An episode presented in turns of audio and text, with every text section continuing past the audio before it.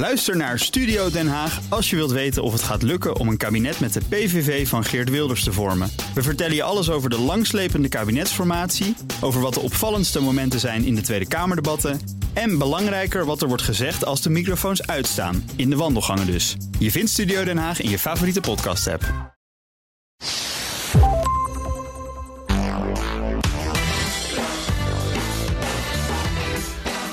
Welkom bij de Ben Tichelaar podcast bij BNR, de podcast over persoonlijk leiderschap.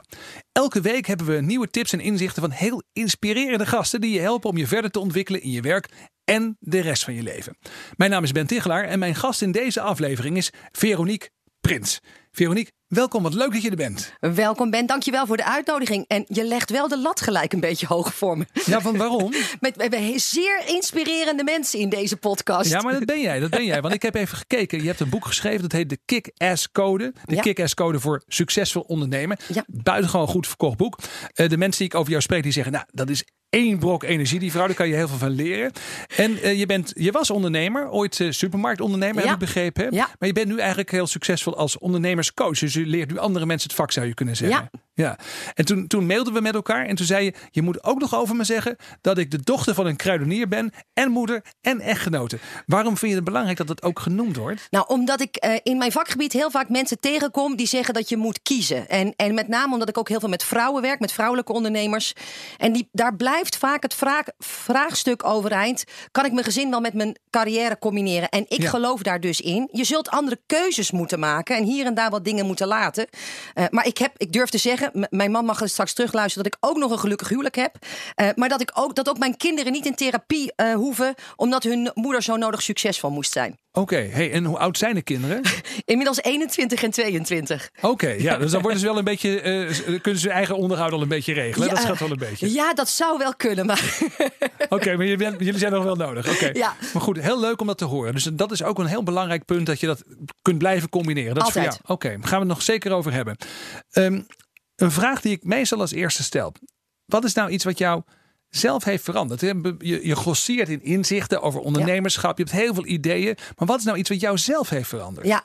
Nou, dat is eigenlijk al op hele jonge leeftijd eh, gebeurd. Zoals je net ook al aangeeft, is ik ben dochter van een kruidenier. Toen ik geboren werd, eh, hadden mijn vader en moeder een melkzaak hier in Amsterdam.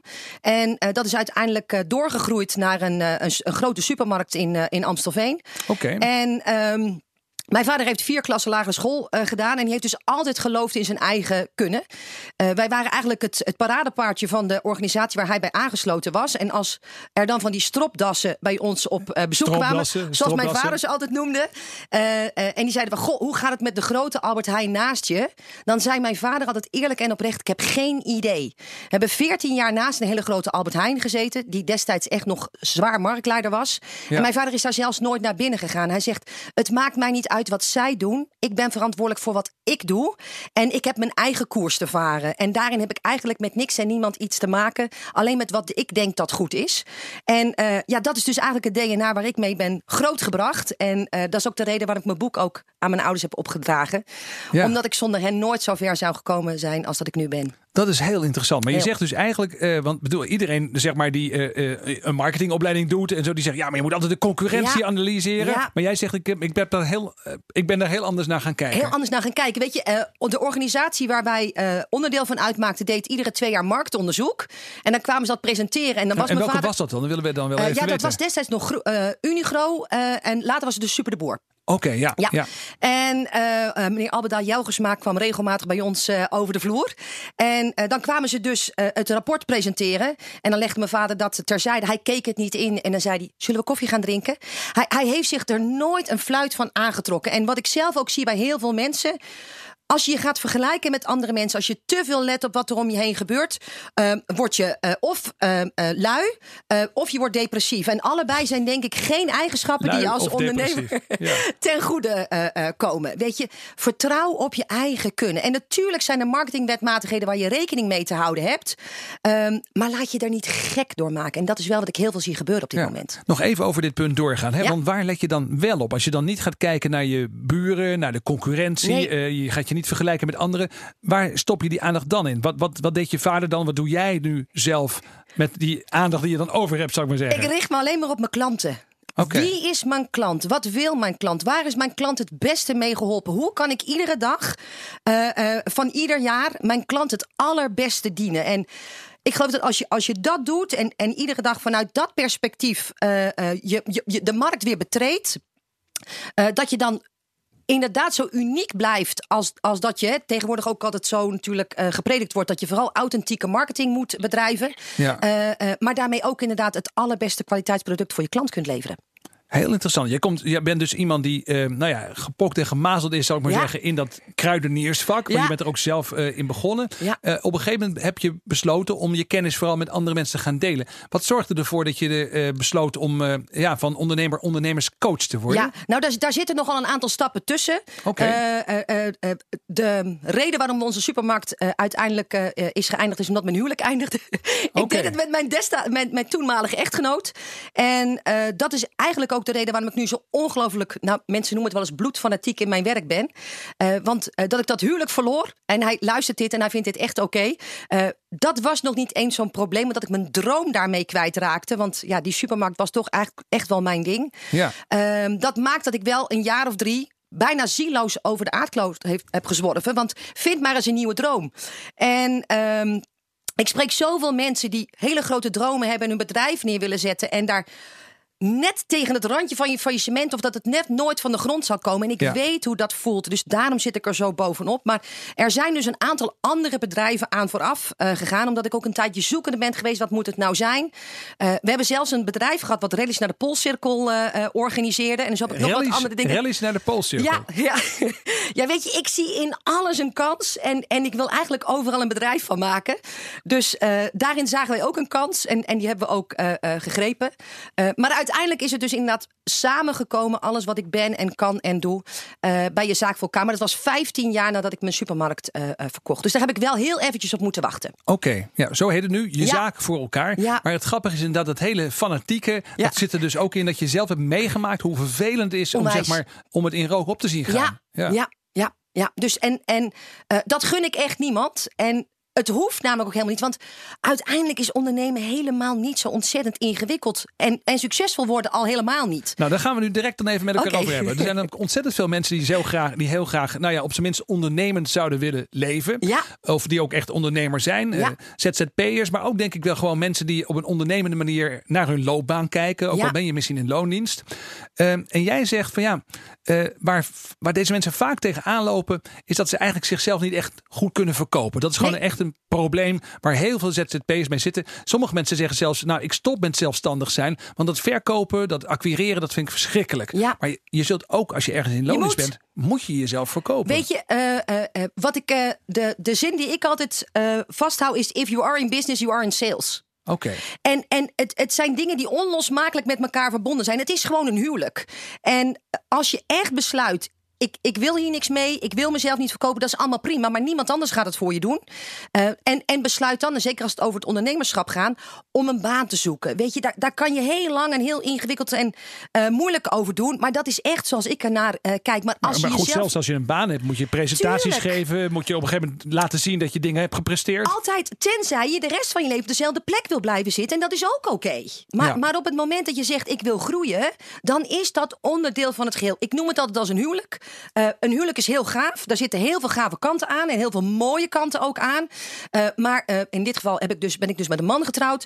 Ik moet er nu zo nu en dan ook ergens zijn sokken vandaan halen. Ik moet ook gewoon zijn was doen. Zit ik daarop te springen? Niet altijd, maar het is onderdeel van het algemene plaatje. En het hoort er dus gewoon bij.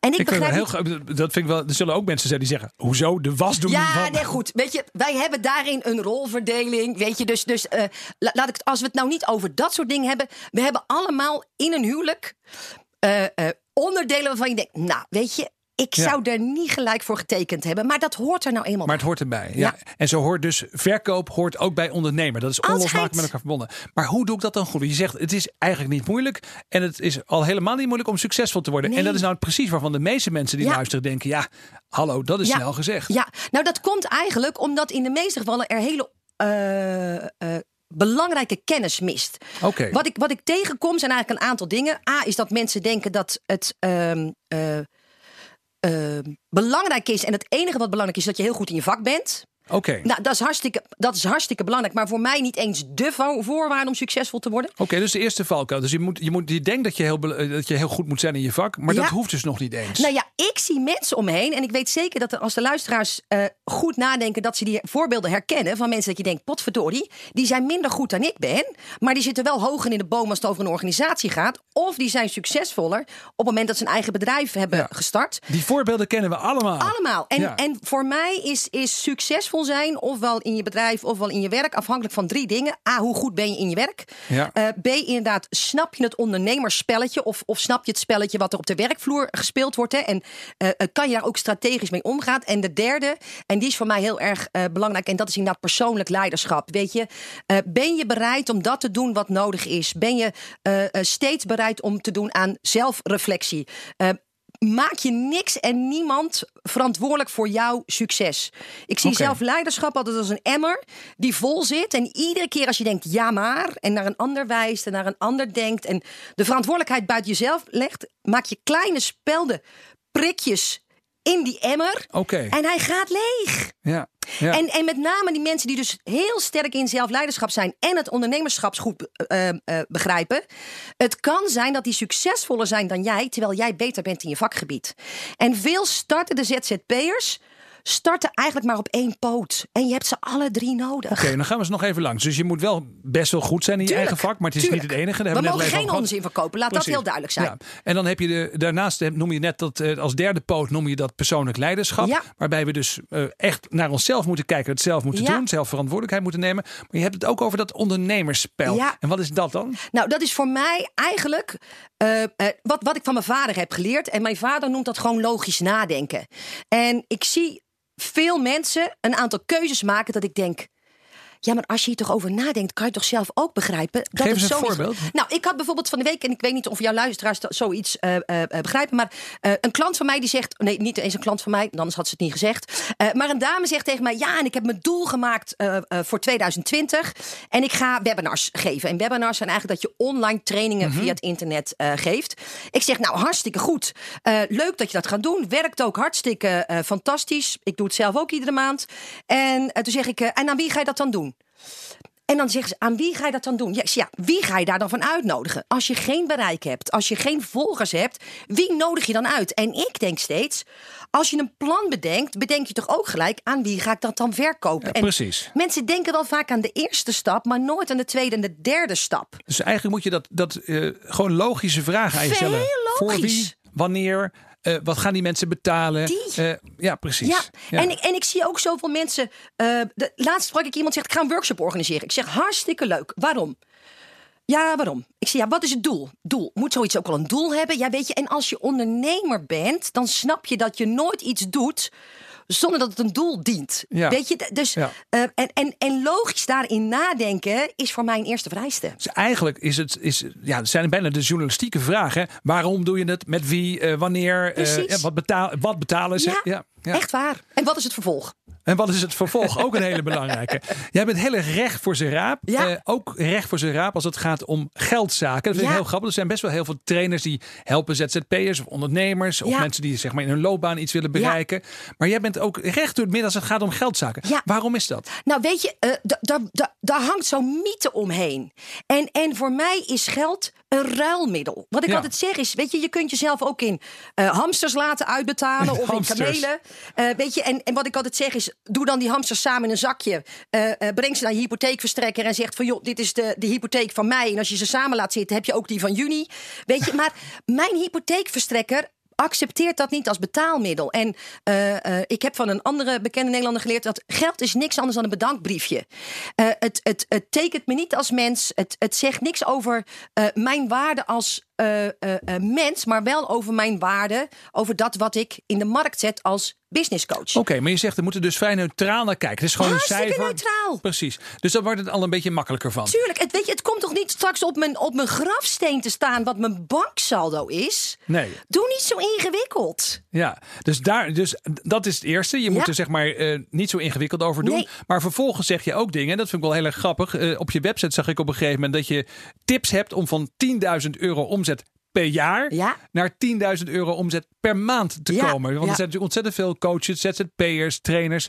eh, ja, mensen die bij jou aankloppen. Die komen nog niet eens boven die 10.000 euro per jaar uit. En Nee. jij zegt, ik ga je helpen, dan maak ik 10.000 euro per maand van. Ja, als je dat zijn, willen. Dat zijn nogal beloftes. Een- een, eh, nou, ik zeg niet, nee, ik zeg, het, het zijn tien tips die ervoor gezorgd hebben bij mij dat het zo eh, gelukt is. Dus, dus nee, ik doe nooit beloftes. Juist vanwege die driehoek waar ik het net over had. Ja. En ik kan slechts En die één driehoek, deel. pak ze nog even. Dat is Ja. dus je eigen vakmanschap. Ja. Dat is dat ondernemersspel goed beheersen. En als derde was het eh Jezelf leiderschap. En, Zelfleiderschap. en, en ik kan voor mijn klanten slechts één onderdeel van die driehoek natuurlijk eh, eh, eh, verzorgen. En daarmee geef ik nooit garanties. Iedereen die zegt van joh, ik leer jou hoe je in zes maanden een, een ton verdient. aan dat soort uitspraken doe ik nooit. Maar het zijn wel de tien tips die mij destijds hebben geholpen. Om inderdaad van een dramapraktijk naar iets te komen waar ik in ieder geval mijn eigen broek op kon houden. En Ja. dat was voor mij belangrijk. Kun Maar, maar, maar, dan geld... wil- maar, maar we zitten natuurlijk nu wel met, hoe zeg je dat? Met gespitste oren te luisteren. ja. Deel eens een van die tips. Eh, nou, dat is inderdaad dat je eh, A, je moet echt moet richten op een ideale klant. Dat is zo ongelooflijk belangrijk. Een ideale klant. Dat is, Ja. dat is echt Veronique Prins idioom. Hè? De, een, een ideale, wat is dat, Ja. een ideale klant? Nou ja, dat is, eh, als ik het tegen mijn eigen klanten zeg, dus, dan is de klant waar je hart van gaat zingen. Maar het, het maakt in ieder geval dat je niet langer een hele bevolkingsgroep of de hele wereld wil helpen. Maar dat je echt in marketingtaal echt heel specifiek op één gericht iemand eh, kunt gaan schrijven. Die zich volledig herkent in alles wat je schrijft, doet, zegt, podcast, video of, of welke manier van marketing jij ook eh, gebruikt. Dat je echt een persoon in gedachten hebt. Echt. Ja. Ja, en, en het maakt het ook, met name marketingbedrijven, vele malen makkelijker. Want ik, ik kom s'morgens binnen. Ik heb natuurlijk zelf ook een ideale klant. Eh, eh, ze gaat bijna naast me aan het bureau zitten. En ik stel mezelf echt inwendig de vraag: hoe kan ik jou vandaag helpen om jouw business een beetje makkelijker te maken? Ja, maar dat, maar dat is wel een hele belangrijke volgende stap. Hè? Ik heb in het verleden wel eens gehoord, de beroemde bladenmaker Rob van Vuren, die zei altijd: je moet als je een tijdschrift maakt, moet je afvragen wie is die Echt? eikpersoon, die Ja. eh, ide- ideale lezer, zou je dan in jouw woorden zeggen. Ja. Eh, maar dan is het ook de kunst om vervolgens ook echt voor die persoon te gaan schrijven Echt. en die persoon ook echt in gedachten te houden. Echt. En, en dat komt soms op hele kleine woordjes zelfs aan. Of iemand wel of niet zich door jou eh, begrepen voelt. Maar het is echt heel bijzonder dat op het moment dat je dat echt, dat vak gaat verstaan. En dat iemand op jouw website komt. Of, of, of je post leest op welk social media kanaal dan ook. Of je podcast luistert. En zegt jeetje, het lijkt wel of je in mijn hoofd kan kijken. Dat wat jij schrijft, dat is precies wat ik s'morgens denk. Of als ik weer in paniek ben. Of als ik het eventjes niet meer weet. Ja. En, en dan, met name waar we het net over hadden, dat verkopen in mijn ogen helemaal niet zo moeilijk is. Ik noem dat dansen met je klant. Oké. En, en, en dat, dat jouw klant zich zo door jou gezien en begrepen voelt. Dan hoef je bijna niet meer te verkopen. Want op het moment dat je dan iets aan kan bieden. Wat, waarvan de klant zegt: Oh, maar dit, dat zou precies zijn wat ik nodig heb. Dan hoef je alleen maar een en tijd en een plaats af te spreken waarop het kan plaatsvinden. Ja, ja, je zegt het heel mooi. Je bent er ook echt zelf, je gelooft er 100% in. Eh, ben ik wel even, ben- eh, toch even ben ik heel Ja, benieuwd. Want je zegt, oké, ik heb dus een soort ideale klant, eh, heb ik voor mezelf beschreven. Ik stel me ook echt voor dat hij dus bij me op kantoor Ja. zit als ik beslissingen neem. Ehm, kun je eens iets meer over die ideale klant vertellen? Wie is dat dan? Wie is de ideale klant van Veronique Prins? Ja, nou bij mij zijn het dus inderdaad ambitieuze coaches en therapeuten. Oké. eh, die ooit het besluit hebben genomen om eh, voor zichzelf te gaan beginnen. Maar de stappen waar we het net over hebben gehad, een soort gemakshalve hebben overgeslagen. En, en vaak nog inderdaad vanuit, ja, en ik, ik noem het, en dat komt misschien een beetje lelijk uit mijn mond, maar ik bedoel het echt liefdevol, een beetje naïef denken. Ik ben heel goed in mijn vak. Eh, ik slinger een website de lucht in, waarvan ik altijd zelf denk, je kan hem beter gelijk offline halen, want dit is niet echt een visitekaartje, zeg maar. Ja. Eh, je moeder vindt hem altijd wel heel erg mooi, zoals mijn moeder dat ook vond destijds. Ehm, eh, en dan denken, laat maar komen die klanten. En, en, Ja. en, en dat gaat niet. Weet je, je zult echt zichtbaar moeten zijn. Zoals mijn eigen coach altijd zegt: You can't be a secret en een succes. En dat is zo ongelooflijk Dat vinden belangrijk. mensen ook heel moeilijk. Want dat betekent dat je eigenlijk ook iets van jezelf moet blootgeven. Of dat je misschien een beetje soms je eigen, en dat vinden Nederlanders heel lastig, je eigen loftrompet een beetje moet steken. Self, self-promotion vinden Ja. we niet, niet leuk. Nee. Maar, het, maar het moet wel. Nou ja, weet je, als je er zelf al niet in gelooft, wat, wat kun je dan van die klant tegenover je eh, eh, verwachten. Weet je? Eh, en, en natuurlijk ben ik ook niet geboren. En als je mijn boek hebt gelezen, dan snap je dat ook. Dat ik dacht van, nou, hè, de wereld zit te wachten op Veronique Prins. Dus kom maar. Weet je, ik kom uit een dorp. Mijn vader was heel succesvol, maar dat mochten we vooral niet laten zien. En hè, dus doe maar normaal, dan doe je al gek genoeg. Ja.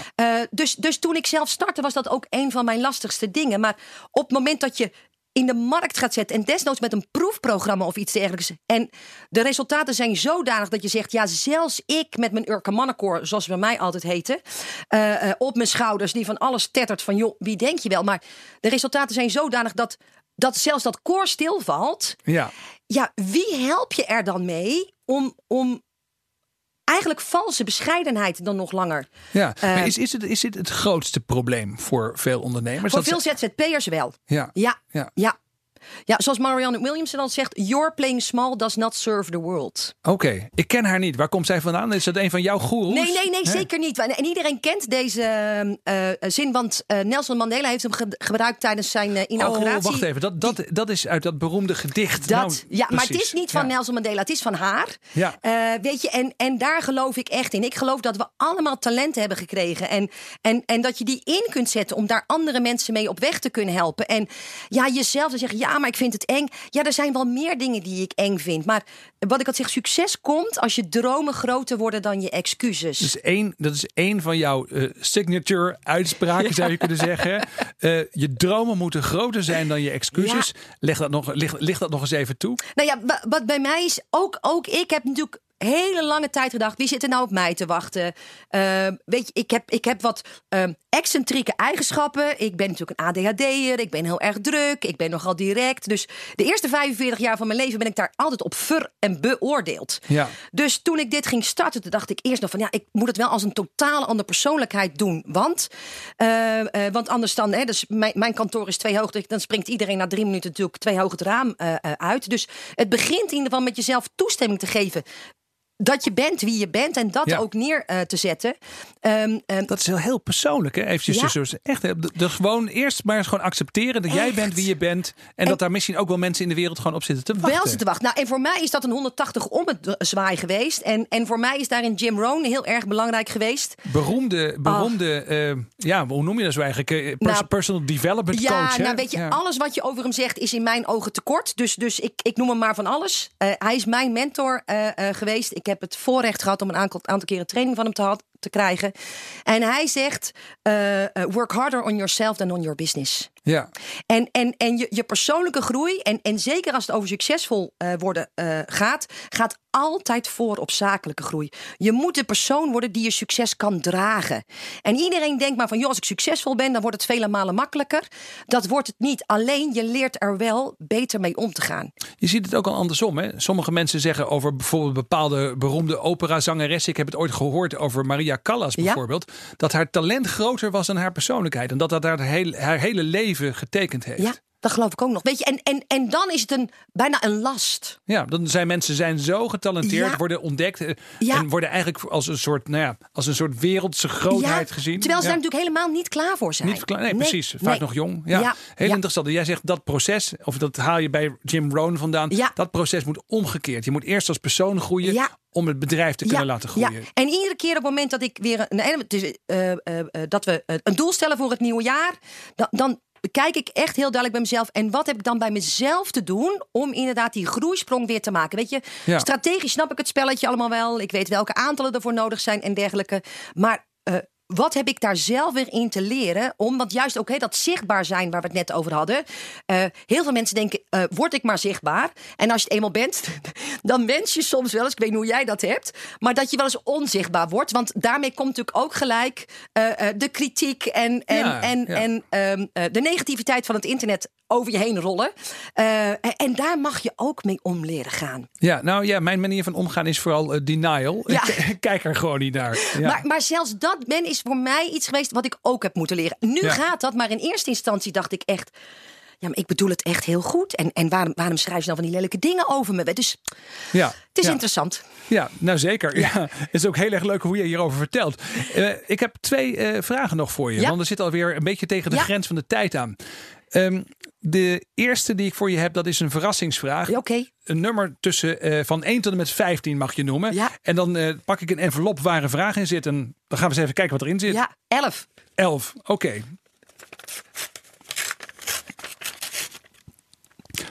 Als je moest stoppen met het werk dat je nu doet, welk beroep zou je dan kiezen? Zo. Als je moest stoppen, wat zou je dan doen? Als je moet stoppen met werk. Wat, oh jeetje. Heb je nog een soort beroep waarvan je zegt dat zou ik nog altijd een keer willen uitproberen? Nou, zal ik je eerlijk vertellen. Ik vond het achter de kast altijd zo ontzettend leuk. Daar kunnen ze nog een paar mensen gebruiken. En zeker, zeker een beetje enthousiaste Nou mensen. ja, denk weet je, nou, nou hier die. En, eh, ehm, dus, dus het moet in ieder geval een. eh, ja, ik zou dan wel heel graag iets van een, ehm, een Airbnb of zo willen. Nee, niet een, een, een Airbnb, maar een BB in Frankrijk willen starten. Oké. Want ik, ik, ik vind het wel heel fijn om voor mensen te zorgen. En, Dus daar komen je nog een keer tegen bij dat programma. Ik, nou, nee, ik dat denk ik of- niet. Nee, nee, want, want, want dan moet je al geen plan hebben, de taal niet spreken, geen geld meenemen en niet voorbereid. En dat is niet helemaal Dat mijn. Past niet helemaal bij jou. Dat is niet Nee. helemaal mijn manier. Jij, zit, Nee. jij kijkt naar dat programma je denkt, hoe kunnen die mensen zo gek nee, zijn? Ik, nee, weet je, ik kijk daar vol bewondering naar. Want ik zie natuurlijk zoveel criticasters op zo'n dergelijk programma. Ja.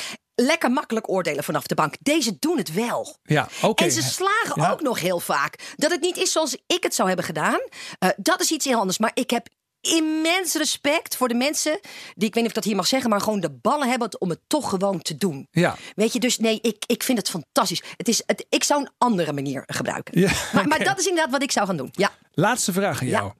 Wat is jouw mediatip? Wat moeten we, behalve jouw boek, hè, de Kick-Ass Code voor Succesvol Ondernemen. Ja. eh, wat moeten we lezen, kijken? Ja. eh, waar Ja. moeten we ons in verdiepen? Wat Nou ja, we hebben hem net natuurlijk al eventjes eh, genoemd. Voor mij is dat Jim Rohn. Ik denk dat ik hem twee keer op een dag minstens quote. Oké. Eh, eh, hij is inmiddels eh, tien jaar overleden en hij is nog iedere dag in mijn leven aanwezig.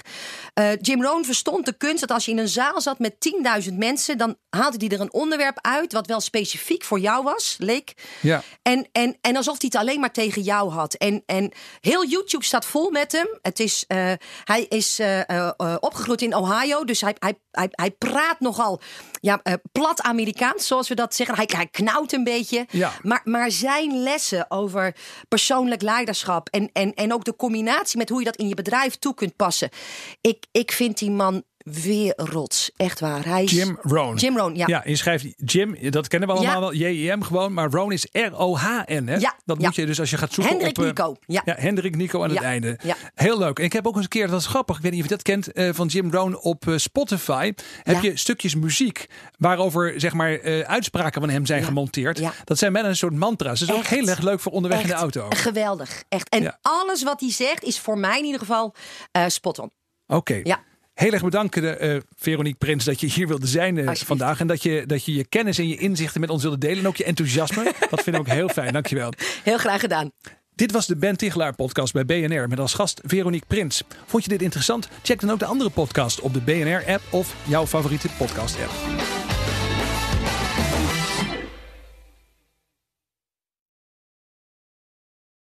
Ook Diana Matroos vind je in de BNR-app. Ja, inderdaad. Je kunt live naar mij luisteren tijdens de Big Five.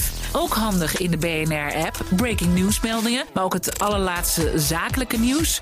En je vindt in de app alle BNR-podcasts, waaronder Wetenschap Vandaag. Download nu de gratis BNR-app en blijf scherp.